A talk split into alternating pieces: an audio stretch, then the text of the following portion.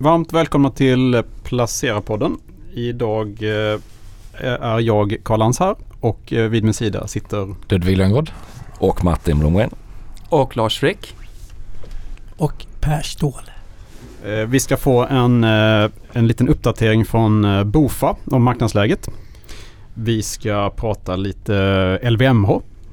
Och Martin, vad ska du prata om? Lite rapporter och kanske lite herrelösa bolag. Herrelösa bolag. Men eh, ska vi börja med marknadsläget kanske? Eller ska vi avvakta med marknadsläget till senare? Tills, tills Per Ståhl har tittat klart. Har mässat klart här sin, sin mäklare. Jag mässar klart. Nej men marknadsläget var ju faktiskt lite överraskande. Bofa, det är ju extremt låg eh, förväntning på den globala tillväxten nu. Den är lika låg nu som den var i 2008. Och som den var vid millennieskiftet. Så, och det drar ju ner vinstförväntningarna också såklart. Växer inte BNP, växer inte vinsterna. Och, men det som oroar mig lite det är att allokeringen till aktier är fortfarande väldigt hög. Den brukar vid de här tillfällena som har varit vid de här inflektionspunkterna tidigare så har man, då har den följt med väldigt eh, ganska, med ganska hög korrelation. Eh, den här eh, eh, eh, den globala ekonomiska förväntningarna på den tillväxten. Och det har den inte gjort den här gången utan den, den Det här är fondförvaltarnas syn då, eller hur? Ja, det är Som- fondförvaltarnas... Som svarar i den här enkäten. Ja, det är det. Det är bland de största fondförvaltarna i världen då. Det är Men deras, innebär det att kunderna inte säljer då eller? Eller vad är, varför är det så högt fortfarande? ja, det, det är lite Tina då. Ja, Ja, exakt vad jag Jag tänkte på antar att också. det är Att det är Tina, fortfarande liksom. Tina. Att eh, ja, vi skulle gärna vikta ner i aktier och köpa vad då? Och jag antar också att den här Bofa-enkäten det är väl också inte bara synen utan det är väl också flöden. Alltså faktiskt agerande som går in i de här enkäterna. Att man ser hur... ja, och det är det som skrämmer mig lite då. Mm. Som att det, det, det, man, har, man ser ju recensionsrisk och inflationsrisk och Fed-risk att inte Mm. Fed löser det här eh, problemet.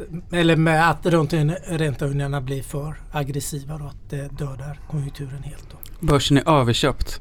En Men förra- som Förra månaden var det ju, satt de på väldigt mycket kassa var det inte så? Är det fortfarande så att man sitter kvar med Kassan kassan? har ju faktiskt minskat lite och man har ju ökat allokeringen till aktier också så här på marginalen då. Så de där, Mm. där har ju inte fortsatt ner då. Så det, och det har vi sett också sista månaden. Den här gjordes eh, första till 7 april. Eh, den föregående gjordes fram till den 10 mars eller 12 mars precis när det, var, när det vände i princip då. Så det är klart att marginalen har man missat kassan, Mm. man har ökat allokeringen. Börsen är ju upp under den här Mm. perioden också då. Så Mm. Eh, Det finns... Ja, jag vill höja ett varningens finger. Intressant. Var det inte så för ett par år sedan också man pratade mycket om att eh, bolag var väldigt välkapitaliserade. Det fanns väldigt stora kasser i, i ja, framförallt i USA då, men det var förmodligen ett globalt fenomen då. Som sen började delas ut och de här pengarna går ju tillbaka då till fondförvaltarna som sen måste återinvestera dem och så vidare. Så att det kanske blir lite en double whammy också att, att eh, balansräkningarna, jag ska inte säga försvagas, men har mindre kassapositioner än tidigare i bolagen som gått in i fondförvaltare som återinvesterat dem och som också har lägre kassa. Så att det är förmodligen väldigt, väldigt hög investeringsnivå om man liksom slår ihop de här faktorerna. Så det är klart att vänder det ner så kan det gå väldigt fort då. För då finns det inte så mycket kassabufferts kvar. Mm. Ja, Jag vill lyfta fram något positivt känner jag nu. Det blev lite mörkt här. Ja, LVMH, världens största lyxkonglomerat får man väl säga, lämnade försäljningssiffror igår. De är ju snabbt ut. mm. Startblocket.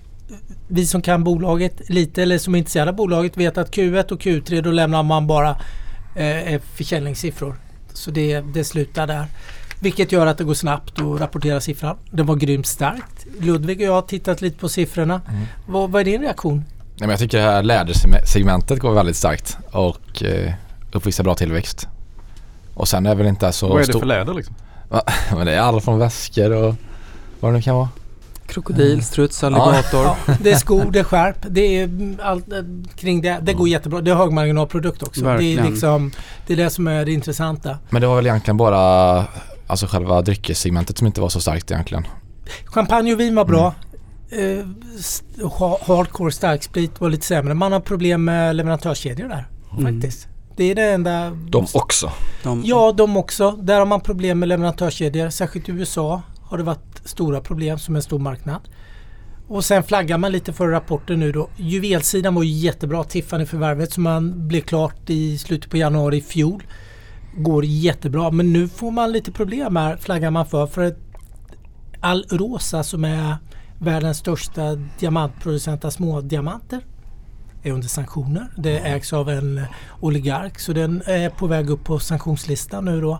Och då kan det vara svårt att få ut eh, ryska diamanter då. De står ungefär för 20% av hela diamantmarknaden då. Så det kan bli lite sån där också problem från Ukraina och eller den här ryska invasionen av Ukraina då på sikt. Då, även här drabbas man då juvelindustrin då att det blir mycket dyrare med, med diamanter. Får vi Men du, hur mycket konsumerar ryss, eh, ryssar då på, av LVMHs produkter? Hur stor del av omsättningen är liksom i Ryssland? Den var ju väldigt liten. Ja, det är runt tittar en- du upp? 1,5 procent ungefär så det är inte alls mycket.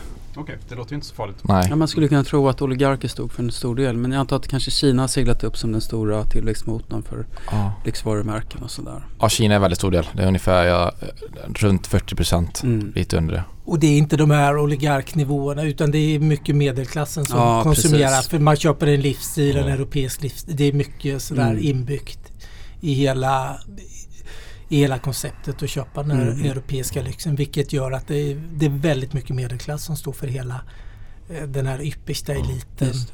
Och var det hela, hela Q1, alltså till och med mars som var med i den här siffran då, som de kommer nu? Ja, det är det som är det fina Ja. när du bara gör försäljningssiffror så får du in siffrorna snabbt. Då. Så det är, vad ska vi säga, den var bättre än förväntat. Ja. 18 miljarder, 17,2 var förväntat. Nu snackar vi miljarder euro också så Mm. det, det är ett stort bolag. Väldigt stort. Eh, Det var mycket bättre än förväntat. Tillväxten var närmare 29 procent tror jag.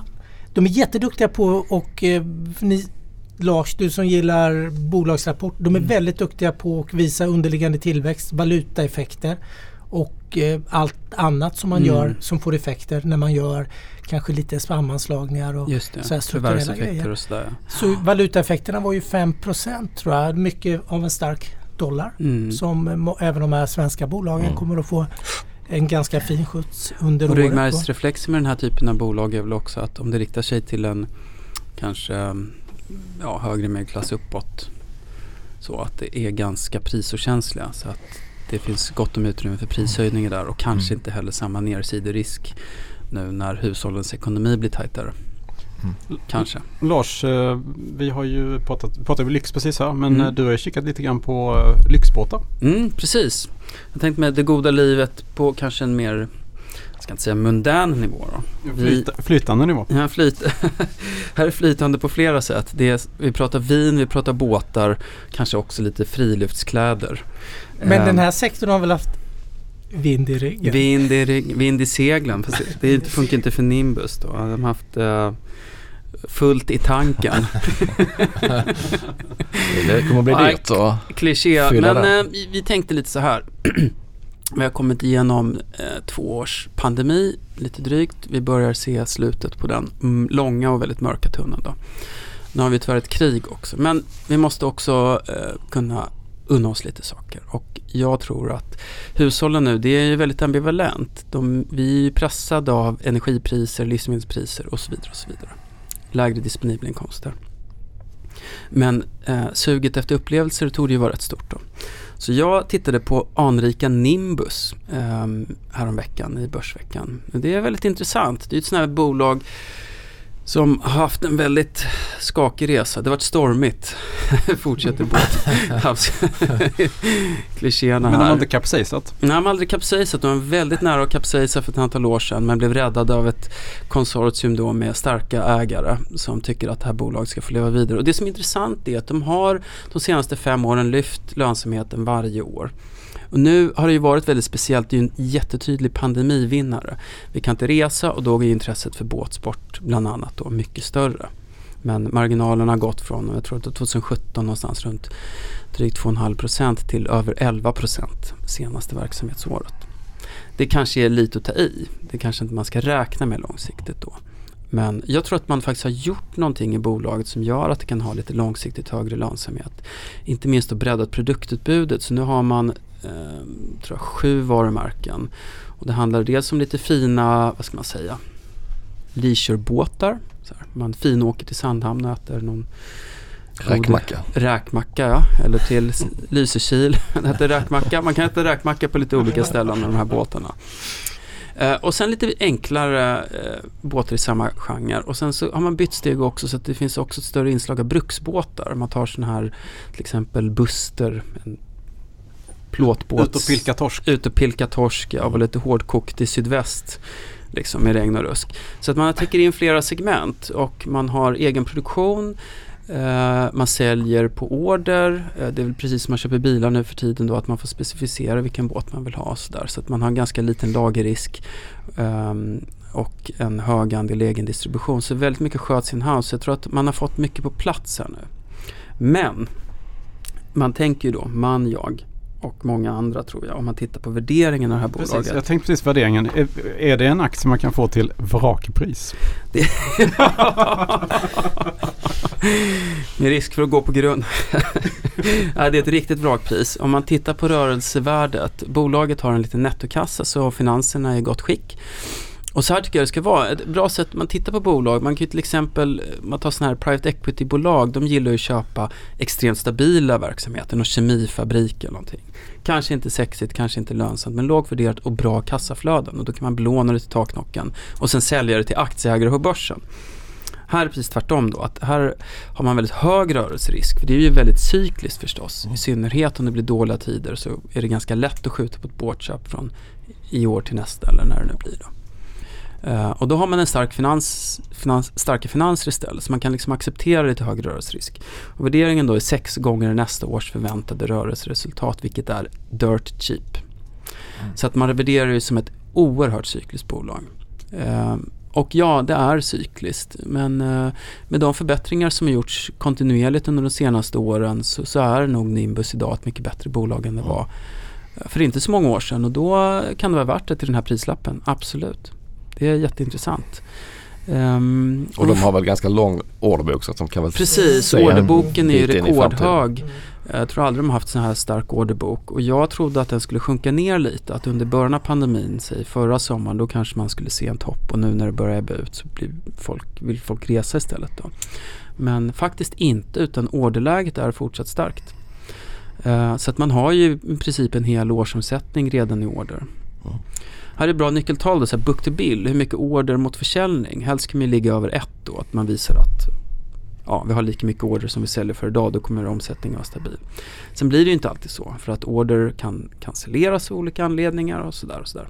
Så att book to bill då ska ju helst vara, kanske vara tummen och pekfingret 1,3 eller högre för att bibehålla omsättningen. Då. Massa variationer, men då har man någon sorts tumregel i alla fall. Eh, men eh, Nimbus orderbok är ju väldigt säker i och med att man har så hög andel förbokade och förbetalda. Man tar ju en mm. del av priset och en handpenning. Så att det är inte så att man bara backar ur hur som helst på de här orders. Så att jag tror att den order, ordersiffran är solid också. Och den gäller bara 2022 och 1,2 miljarder. Och det kan ju ställas i relation till att man 2019 omsätter under en miljard. Så att man har en, jätte, en årsomsättning redan nu i böckerna. Nej, äh, sex gånger pengarna. Det är och när man sitter på akterdäck då i sin casualbåt så kanske man vill ta ett glas vin efteråt. Um, så jag skrev om Sveriges ledande vingrossist, då, Viva Wine. Um, de säljer ju då framförallt till Systembolaget. Det här är ju styrka svaghet sådär. Att jag är alltid lite rädd när det blir en monopolinköparsituation. Dels var det en stor skandal, den största mutskandalen i Sverige då 2003 om jag inte missminner mig när det exploderade. Det var golfbägar och bakmaskiner och allt möjligt skit hemma hos olika systembolagschefer då i utbyte mot att de köpte in ett visst typ av vin. Så att nu har de väl sanerat, men den risken finns ju alltid. Man har en enorm inköpskraft, måste finnas på Systembolaget förstås i Sverige för att kunna sälja någonting. Och många tidigare chefer därifrån har ju också gått över till grossistsidan. Eh, med det sagt, Viva Wine har växt i andelar hos Systembolaget kontinuerligt de senaste åren eh, inom ett antal olika varumärken och nu är de by far störst. Och det där blir väl som någon sorts omvänd vallgrav att alltså det är svårt att komma in. Man måste på något vis ha bra relationer mm. och naturligtvis också bra produkter och sådär. Eh, men när man väl är inne så blir det en utbyteskostnad inbillar jag mig. Att det inte är så lätt då att backa ut, att någon annan kommer. Även om produkten är bättre men det är liksom lite så här kompisbransch förmodligen. Plus att Viva Wine var lite pionjärer med att faktiskt köpa in vin eh, av vissa typer och kvaliteter och förpacka dem på ett sätt som passar den svenska marknaden. De är så stora så att man kan liksom skräddarsy. Så det handlar inte om att man hittar något slott i eh, Provence. Ja, Provence kanske inte är någon vindistrikt. Då. Säg Champagne förstås. nu ska det vara lite glatt. Bordeaux. Ett Bordeaux, ett slott i Bordeaux som har en fantastisk produkt och så köper man rakt in den. Så var det ju traditionellt. Men nu, nu väljer man viner och förpackar dem och så vidare utifrån vad svenska konsumenter vill ha. Så där. Och det är klart det är också en framgångsfaktor. Mm. Eh, men tacknämligt nog då så är inte alkoholkonsumtion en tillväxtbransch i Sverige i varje fall. Utan tvärtom så faller det lite grann. Framförallt unga människor har andra nöjen. Ehm, och det här har Viva Wine varit rätt bra på att kompensera för de har eh, köpt två tyska bolag genom årens lopp inom e-handel. Och om man tar till exempel elektronik, böcker, vissa kategorier är elhandeln enormt stor som andel av den totala försäljningen. Jag tror att i vinbranschen så pratar man kanske 3% av allt vin som säljs är online. Resten är i butik. Så det finns ju mycket att göra där. Om, de är jättestarka nu i Tyskland. Um, så där har man ett tillväxtspår då. Så det är också en intressant kombo. Och inte heller det här bolaget är särskilt dyrt då. Det är 11 gånger nästa års förväntade rörelseresultat eh, under branschsnittet. Eh, som är en stark marknadsposition och det är ändå ett rätt stort bolag. De har ett börsvärde på nästan 5 miljarder. Så tycker jag att det här är också en, en pjäs väl värd att titta på. Borde vara ganska defensivt. Jag antar att Ja, man fortsätter att pimpla sitt Precis, det vin. går ju lite på båda hållen det där. Att, eh, jag menar visst, eh, vinkonsumtionen kanske inte skenar liksom med någon sån här hög kagger och Ja. wine as a service-tänk liksom. Men det går ju inte ner så mycket heller. Vad är det för marginaler på det här? Eh, de har bäst marginaler på sina egna viner och eh, bitar på 480 miljoner på ja, 11 procent ungefär. Och det är helt okej Ja, för en det grossistverksamhet. Ja, Om man tänker sig i dagligvaruhandeln så är det ju väsentligt lägre då. Mm. Så att man har ju lite value added här på något vis. Ja. Sant. Spännande. Martin, du har kikat lite på rapporterna senaste veckan. Hur ser det ut? Ja, det är ju, vad ska man säga, för, förfest den här veckan. Vi, nu är det onsdag när vi spelar in idag. Eh, och Ericsson kommer på torsdag. Och sen är det egentligen nästa vecka som de drar igång på allvar med Sandvik och Tele2 och lite andra storbolag. Eh, jag är fortfarande, har jag sagt innan, jag är fortfarande lite överraskad att det inte har varit fler negativa vinstvarningar med tanke på hur klimatet har sett ut där ute. Vi har till och med fått två omvända vinstvarningar faktiskt den här veckan. New Wave och lilla industri eh, och handelskonglomeratet Duroc. Ehm, ja, så att det är väl lite positivt ändå att det inte har Ja, det är väl verkligen en, eh, en bra indikator. skrämma upp och sådär. Ja, jag tycker det. Eh, men det som är väl allra viktigaste frågan är väl egentligen att, inte, att det kommer negativa signaler från efterfrågan. För att nu har man under ganska lång tid har vi vant oss vid att efterfrågan är inte problemet. Problemet är kostnaderna, leveransmöjligheterna, råvarupriserna. Och det var väl det som blev temat förra kvartalet då att intäkterna bra men marginalerna hängde inte riktigt med. Mm.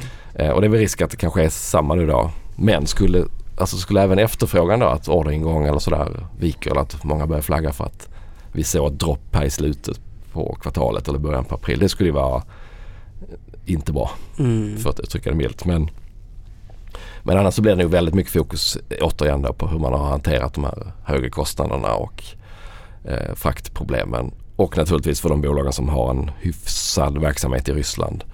Vad innebär det i form av avskrivningar eller reserveringar eller liknande. Eh, så det är väl den, liksom den stora bilden. Och eh, tittar man på analytikernas prognoser så ser det ut som att både i USA och i Sverige är det ungefär 5 vinsttillväxt. Det ska vara det här kvartalet. Och på helåret 8, 9, 10% kanske. Så det är ändå en ganska mm, småoptimistisk Mm. eh, backdrop på det här året.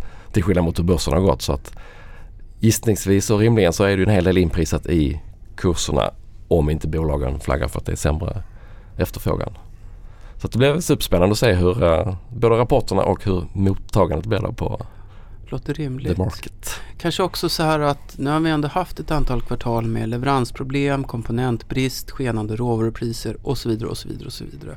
Så att förväntningarna har på något vis justerat till verkligheten nu. Att nu behövs det inte några vinstvarningar längre för att synen på på lönsamheten generellt på börsen så där kanske är Mm. hyggligt samklang med verkligheten då. Och det är väl ändå lite positivt Ja. så. Ja, men det tror jag är en bra poäng. Och, då, och i ett sånt i ett sånt klimat kan det ju vara så att, att någon som kommer med ett lite sämre resultat nu men som säger att ah, men vi ser att det klingar av med de här problemen nu.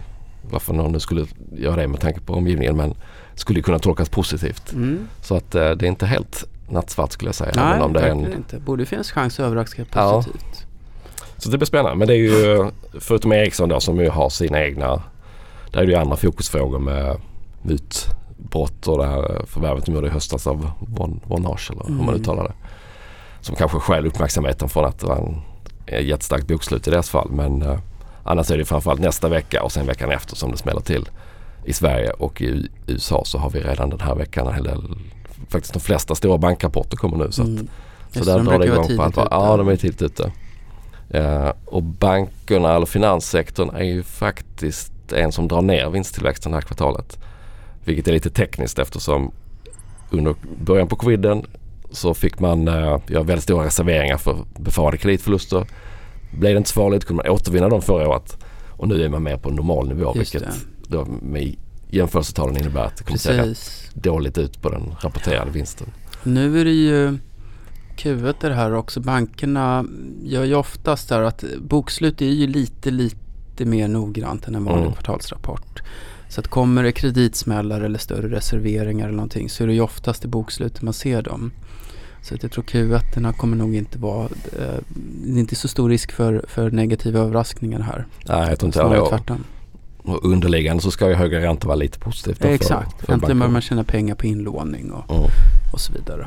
Men kapitalmarknaden måste ju ha varit ett litet sänke. Alltså det har inte varit några börsintroduktioner. Det har inte varit några uppköp. Sant. Inga Nej. företagsköp. Eh, Nej, dålig likviditet på börsen. Nu är inte det kanske, det går inte att jämföra med kanske de amerikanska bankerna som har mycket större ändå. finansmarknadskapacitet då. Men det känns ju som att där får man ingen, eh, ingen push. Nej, det blir jättetuffa jämförelsetal med, jämfört med förra året som var Mm. rekord på rekord i varenda sån här transaktionsintensiv del av, av Allt bankverksamheten. annat lika är det väl då SE-banken som traditionellt har en hyggligt hög andel av Företags- provisionsnetto Mm. och just eh, exponering mot storföretag och så vidare då. Och om bara sista på rapporten här, på helt på andra skalan då är ju naturligtvis de bolag som är råvarubolag eller oljebolag är ju de som kommer att, att vara på vinsttillväxt vinnarsidan eftersom ja, man, har den, man producerar så mycket man kan och stiger priserna då så är det ju Mm. pengar rakt in på sista raden. Då exploderar vinsterna. Då exploderar vinsterna. Kaboom! Kaboom. Jag tänkte bara en liten kommentar till det här nu som jag fick nu på morgonen. Eh, japansk statistik kom nu, Ja. nu på morgonen. Eh, Vilken ja, vändning. Ja, nej, men. Japan är jätteintressant. Japan och. Tyskland är ju intressanta industrinationer. Men de är intressanta på ett sätt. De står för mycket av maskintillverkningen. Alltså maskiner som behövs för att bygga en fabrik för att Ja, tillverka intressant. någonting. Och de har Japan är ett stort land så där man statistik lite som USA på det mesta. Nu hade man orderingången på, för maskiner Mm. som då ska till industrin för tillverkningsmaskiner. Den sjönk nu för andra månaden i rad. Den ligger 10% ner då year on year. Eh, vilket skapar lite huvudbry nu för det kan dra ner eh, såklart japansk BNP.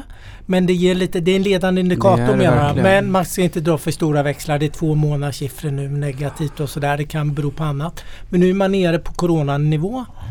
Och ja, det är väl lite, man vill väl se några månader till nu för att se om det är så att det kommer mindre orderingång Ja. från de stora Mm. globala verkstadsbolagen och de Ja. stora tillverkarna både i Kina och ute i Europa då som behöver den här typen av maskiner Ja. för att öka capex. Att det kanske blir lite mindre investeringar då. Nej, men det, kan ju vara, alltså, det är fortfarande så för biltillverkarna och fordonsbolagen att de måste stoppa produktionen fast de egentligen har efterfrågan.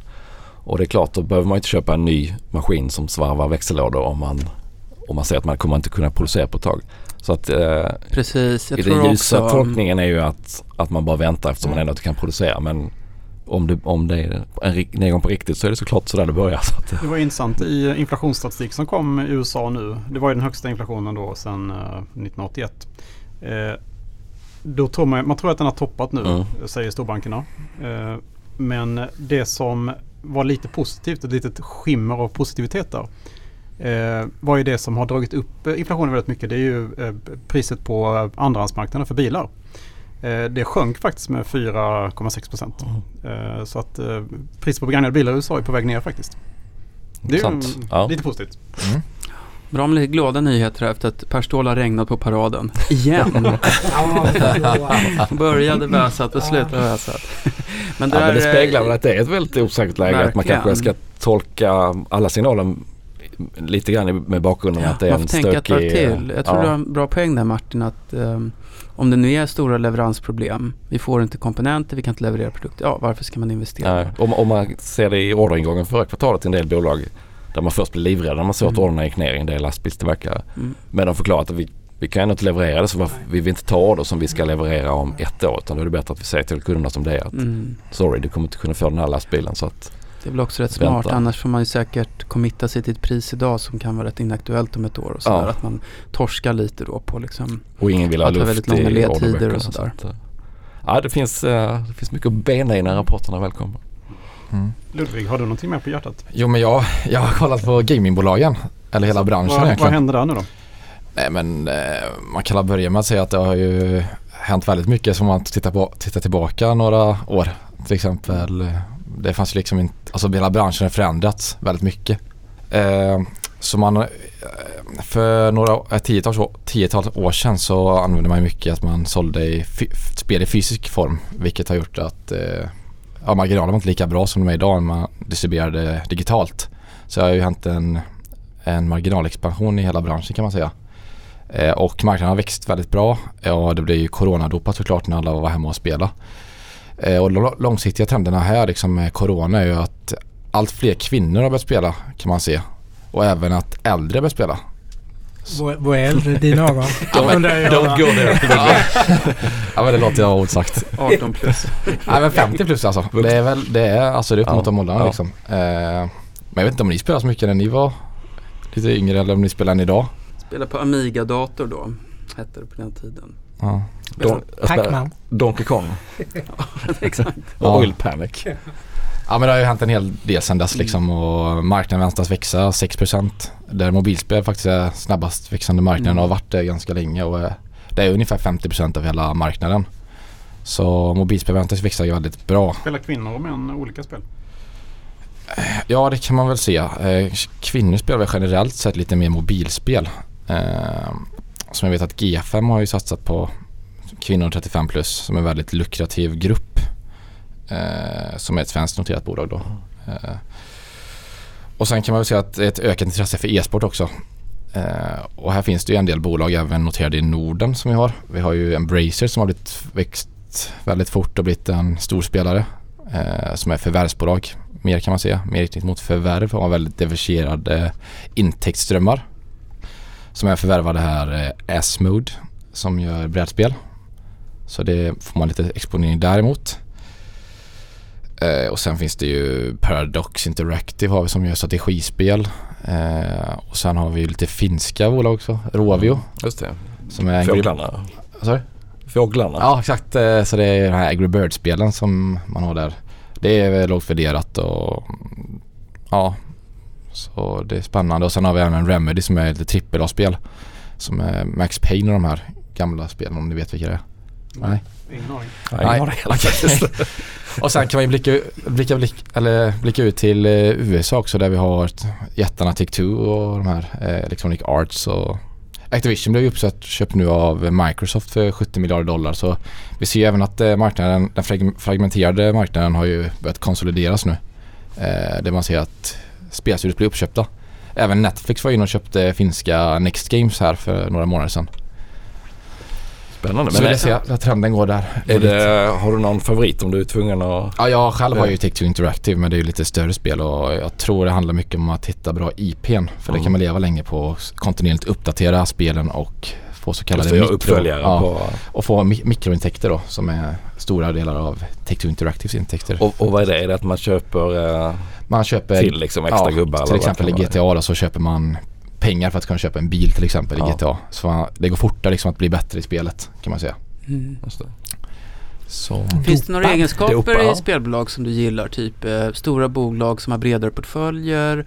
Eller ska man gå på de här som är kanske topp 10-listan spel, GTA och så vidare? Mm. Att go with the best? Eller finns det någonting som du tycker är så här, det här gör det lite extra kittlande med? Jag tycker ju att IP är viktigast att kolla Ja.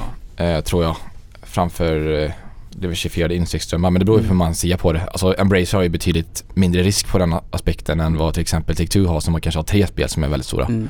Eh, så det, gäller, det beror hur man ser på det men jag gillar ju, jag tror det är bra att ha IPn och dessutom Mm. kan man ju licensiera ut det sen så man får intäkter därifrån också. Just det. Som typ Rovio har licensierat ut Angry Birds till eh, Netflix tror jag som de får, som gjort en film som finns på Netflix nu. Till exempel. Ja, det låter spännande. Men, Men sen det du är inne på i början här är ju väldigt intressant med att, att man går från fysiska till digitala Mm. produkter. Att det blir en helt annan, alla de här leveransproblemen vi pratar om det kan ju de strunta i Ja nästan. precis, den blir ju mindre och mindre andel av intäkterna. Så Ja. det, där finns ju en fördel där mot till exempel produktionsbolag och sånt Mm. där. Men att det ger en högre totalintäkt också. Att om ett spel kostade 500, 600, 700 för ett antal år sedan.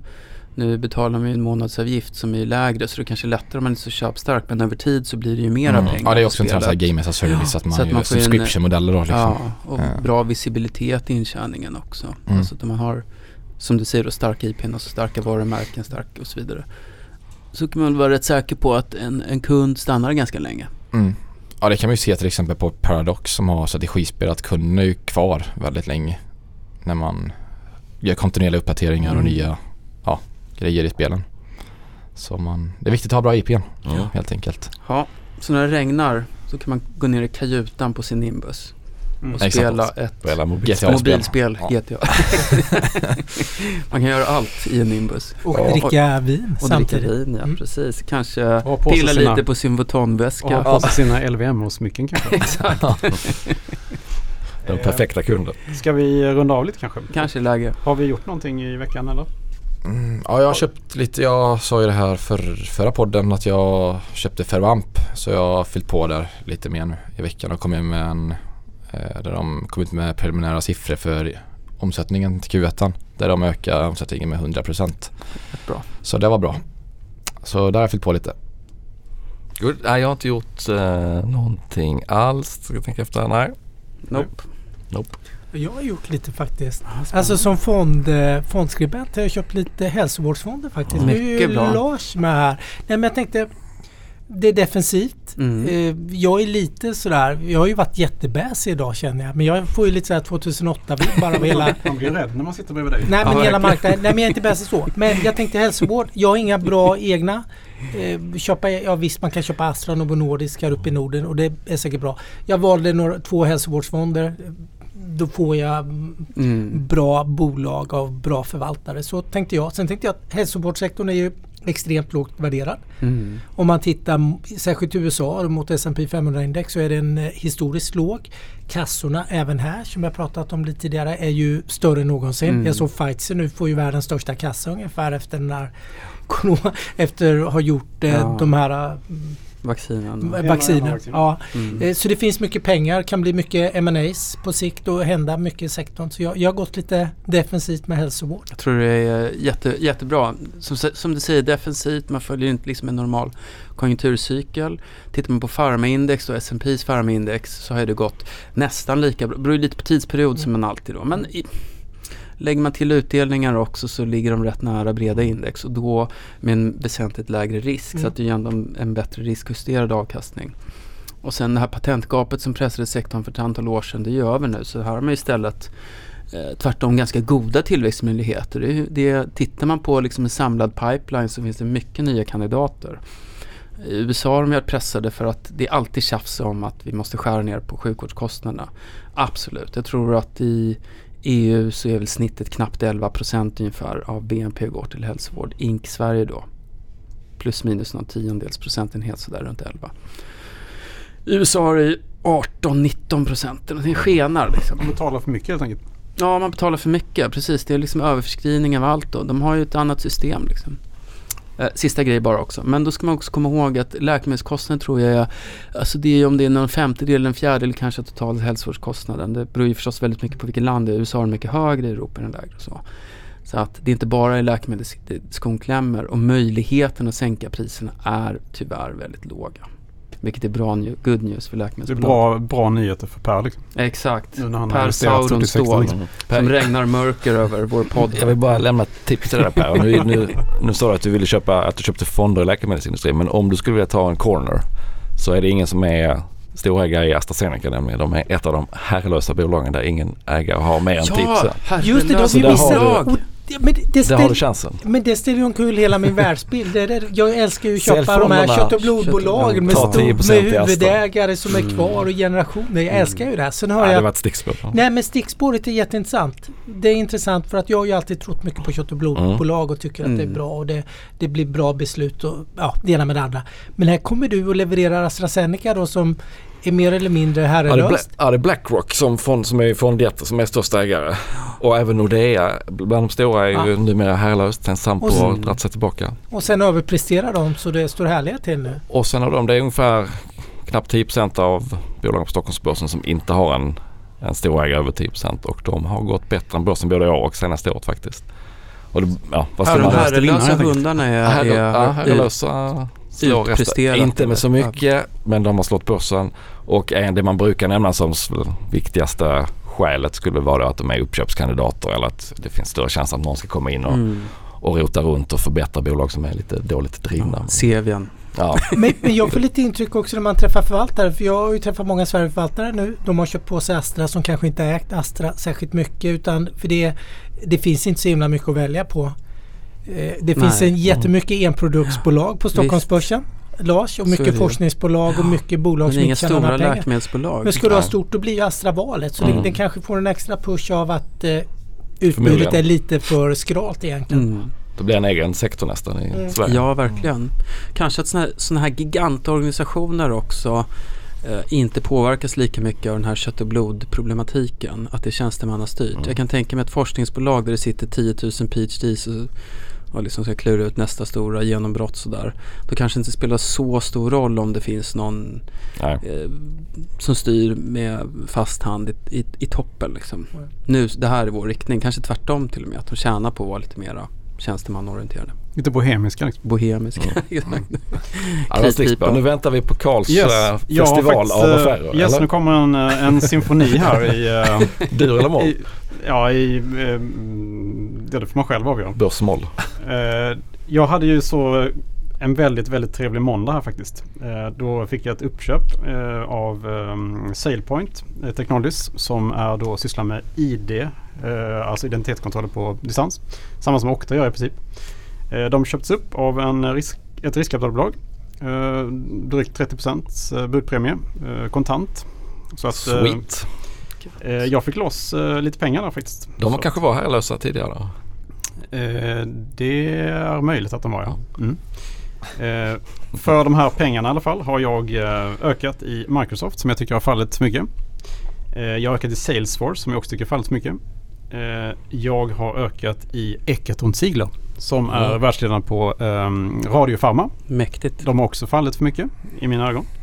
Och sen har jag ökat lite mer risk då i UiPath som eh, då sysslar med automatisering av olika slag. Eh, som också har fallit så mycket. De eh, noterades för 56 dollar i april förra året. Nu kunde jag köpa aktien eh, på 19,70. Så att eh, det var jag nöjd med. Mm. Det är så jag har justerat dem i veckan. Good. Mycket bra. Och med det säger, Säger vi glad påsk eller? Ja, Glad påsk. glad påsk. Ja. Glad påsk!